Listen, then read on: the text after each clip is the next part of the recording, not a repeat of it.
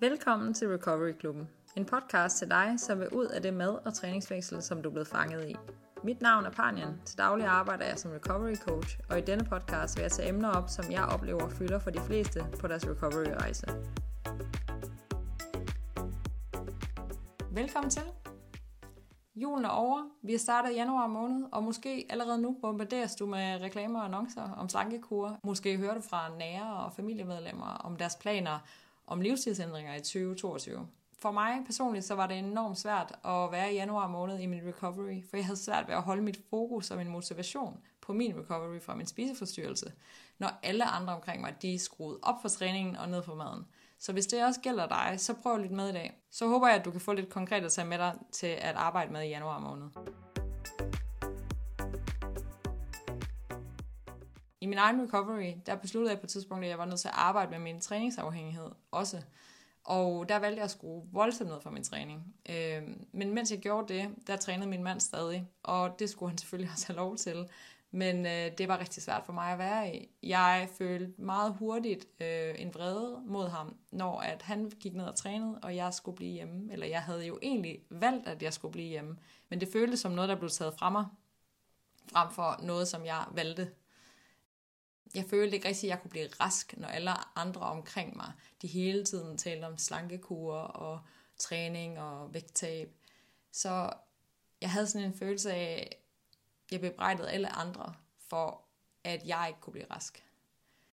Og jeg vil også sige, at der kan være noget om, at det er enormt svært at blive rask i et miljø, hvor fokus er enormt meget på træning og at spise på en bestemt måde eller en bestemt mængde mad. Men vi kan ikke rigtig leve i en eller anden boble vi kan ikke beskytte os fra det her. Vi kan ikke pakke os ind. Der vil altid være en eller anden, du møder i en eller anden sammenhæng, som kommer til at snakke om diæter, eller om, at de har været nede at træne, eller de har gået x antal skridt. Det kan vi ikke rigtig beskytte os selv imod. Min holdning er, hvis du først kan komme ud af det, når ingen andre trigger dig, så kommer du ikke rigtig ud af det.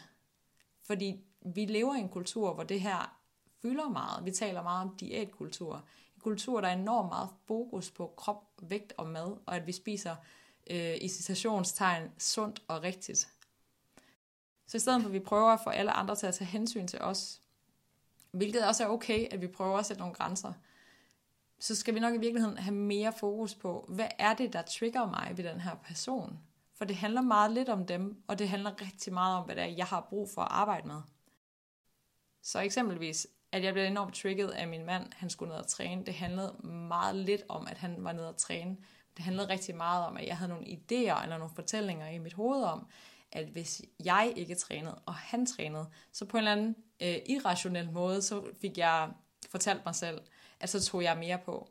Altså en eller anden idé om, at, at jeg tager på ved, at andre de spiser mindre end mig, eller at jeg tager på ved, at andre de bevæger sig mere end mig det er totalt irrationelt, og det vidste jeg egentlig godt, men det var den frygt, der dukkede op. Men under den frygt, den irrationelle frygt, der lå der noget, der måske i virkeligheden var vigtigt, og jeg spurgte mig selv om, hvad er det, det handler om? Hvad er det, jeg i virkeligheden er bange for? Og det, jeg i virkeligheden var bange for, det var, hvis jeg ikke gør det, hvis jeg ikke er sådan en, som træner meget, hvem er jeg så? Hvad er jeg så god til? Og jeg følte hele tiden der frygt for, hvad nu hvis jeg sidder på sofaen resten af mit liv, og aldrig har lyst til at rejse mig op igen, er jeg så bare sådan en, der er god til at sidde på sofaen og stress. Rigtig mange, der kæmper med en spiseforstyrrelse, eller har et svært forhold til deres mad og krop, har tendens til at være meget yderstyret. De har tendens til at måle deres værd på, hvordan de præsterer, hvad de gør, øh, hvilket slags arbejde de har, hvor godt de gør det i skolen, hvor, hvordan deres krop ser ud, øh, hvor meget de træner. Det bliver meget sådan konstant sammenligning med alle andre. Gør jeg det godt nok? Kan jeg sige, tjek, jeg gjorde det bedre end den her person, eller jeg har gjort det her så mange gange, som jeg havde besluttet mig for, så er jeg god nok. Så i virkeligheden handlede det meget mere om, at jeg var bange for, hvem er det, jeg er? Er jeg overhovedet noget, og er jeg overhovedet god nok, hvis jeg ikke er hende, der går ned og træner? Så det er noget af det, der fører til at være enormt yderstyret, at jeg hele tiden havde fokus på alle andre omkring mig. Og det er også noget af det, jeg oplever med mange af mine klienter. Fokuset er altid, jamen, de spiser mindre end mig. De spiser ikke efter middagsmåltid. De gør ikke det her. I stedet for at få fokuset over på os selv. Så der var altid sådan en konstant sammenligning. Jeg holdt altid øje med alle andre omkring mig. Trænede jeg mere end ham? Spiste jeg mindre end hende? Var jeg slankere end hende? Tjek, tjek, tjek. Men hvad fanden var formålet med det? Det var bare sådan en følelse af, hvis jeg bare kan tjekke de her øh, imaginære bokse af, så er jeg god nok. Og det er klart, det er trygt, men det gavnede mig ikke. Det var en adfærd, jeg havde haft længe, og det var noget, der gav mig en følelse af, at, at det var sådan her, jeg kunne være noget værd. Men når vi vælger recovery, så betyder det i virkeligheden, at vi ikke længere vil vurdere vores værd på måden, vi ser ud, eller hvad vi spiser, eller hvor meget vi træner. Og her er det, det bliver vigtigt, at vi ikke bliver påvirket af, hvad alle andre gør. Fordi så mister vi vores fokus. Vi, vi mister, hvad er formålet med min recovery? Hvorfor er det, at jeg vælger recovery til? Frem for at gøre det, som jeg plejer at gøre. Vi bliver nødt til at få det fokus tilbage. Så det her, det er noget, det du skal tage med i dag. Hvordan får du fokus tilbage på din rejse, på dine behov, på din krop, hvad den har brug for, i stedet for, hvad alle andre gør. Hvorfor er det, at du skal vælge recovery til? Hvis du ikke ved det, så det er det enormt svært, så er vi enormt påvirkelige. Så vil den mindste lille øh, vindpust øh, blæser os omkuld. Og det kan være rigtig svært at sige, hvorfor er det, jeg skal vælge recovery til, hvis du har været syg længe. Hvis du har kæmpet med noget, ligesom jeg, øh, i mere end 14 år, så kan man godt tænke, jeg tør engang at forestille mig, hvad der kan ske på den anden side. Jeg tør engang at forestille mig, at jeg kan få det bedre.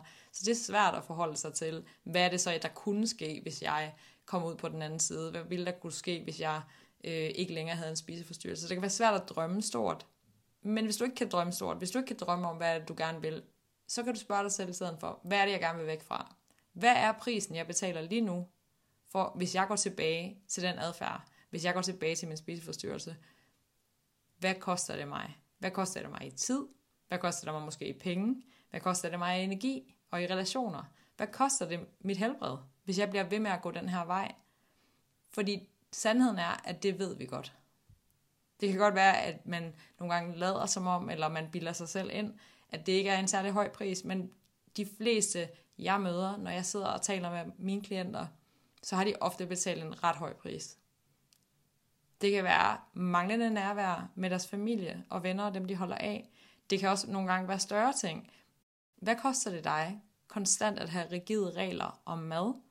Eller hele tiden skulle finde alternativer? Eller hele tiden skulle kommentere på, hvad du har spist? Hvad koster det dig i dit liv? Og når du kigger tilbage næste år, på året, der gik, hvad vil du gerne have været dit fokus?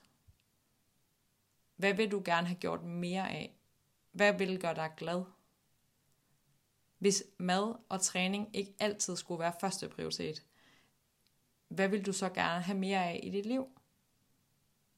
Det er sådan nogle spørgsmål, vi meget sjældent får stillet os selv. Og ikke nok med, at vi måske stiller os selv det spørgsmål til januar, fordi det er sådan et oplagt tidspunkt, hvor at, at man måske har øh, lidt tid til at reflektere over året, der gik, så det er ikke noget, vi forholder os til mere end en gang. Men det du skal gøre, det er at skrive det ned og finde ud af, hvordan forholder du dig til det regelmæssigt. Hvad er det, du skal gøre, så du igen og igen bliver mindet om, hvad der er dit fokus i din recovery. Så hver gang, at der er nogen udefra, der påvirker dig, eller hver gang der er noget, der gør, at du bliver i tvivl, eller det føles svært, eller det føles forkert, hvad er det, der så, hvordan er det, du så igen skal minde dig selv om, hvorfor er det, jeg har den her kamp? Hvad er det egentlig, jeg kæmper for, eller hvad er det, jeg gerne vil væk fra? Det er ikke nok, at du bare skriver det ned en gang, og så kigger på det næste år. Du bliver nødt til at gøre meget mere end det. Og det er noget af det, den her podcast skal handle om. Den her podcast handler om alt det, vi skal gøre igen og igen, for at komme ud af en spiseforstyrrelse. Det sker ikke bare ved, at vi taler med en psykolog eller en coach. Det sker ikke bare ved, at du taler med mig. Det sker ved, at du handler.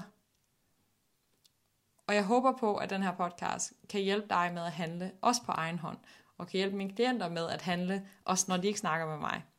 Vi kan have rigtig mange gode intentioner, men hvis vi ikke handler, så bliver vi i vores spiseforstyrrelse. Det her det er min tilgang og mine tanker om recovery. Og tag det, der virker for dig, og glem det, der ikke taler til dig. Der er ikke én rigtig måde at være i recovery på. Det her det er den måde, jeg kommer ud af min spiseforstyrrelse på, og meget af det, mange af de strategier, jeg kommer til at tale om i den her podcast, er de, dem, jeg bruger sammen med mine klienter. Men hvis der er noget af det, der ikke resonerer med dig, så er det også helt okay. Der er ikke øh, et, et, øh, en, den perfekte måde at være i recovery på, og det tror jeg også er, en, er noget, jeg skulle snakke om i en podcast. Hvis det her det resonerer med dig, og du tænker, at det her det er noget, der kan hjælpe dig med at holde dig motiveret og holde fokus i din recovery, så husk at abonnere på podcasten på din øh, foretrukne podcast-app, og, eller find mig på YouTube eller Instagram. Så håber jeg på, at jeg kan hjælpe dig med at fortsætte din recovery-rejse.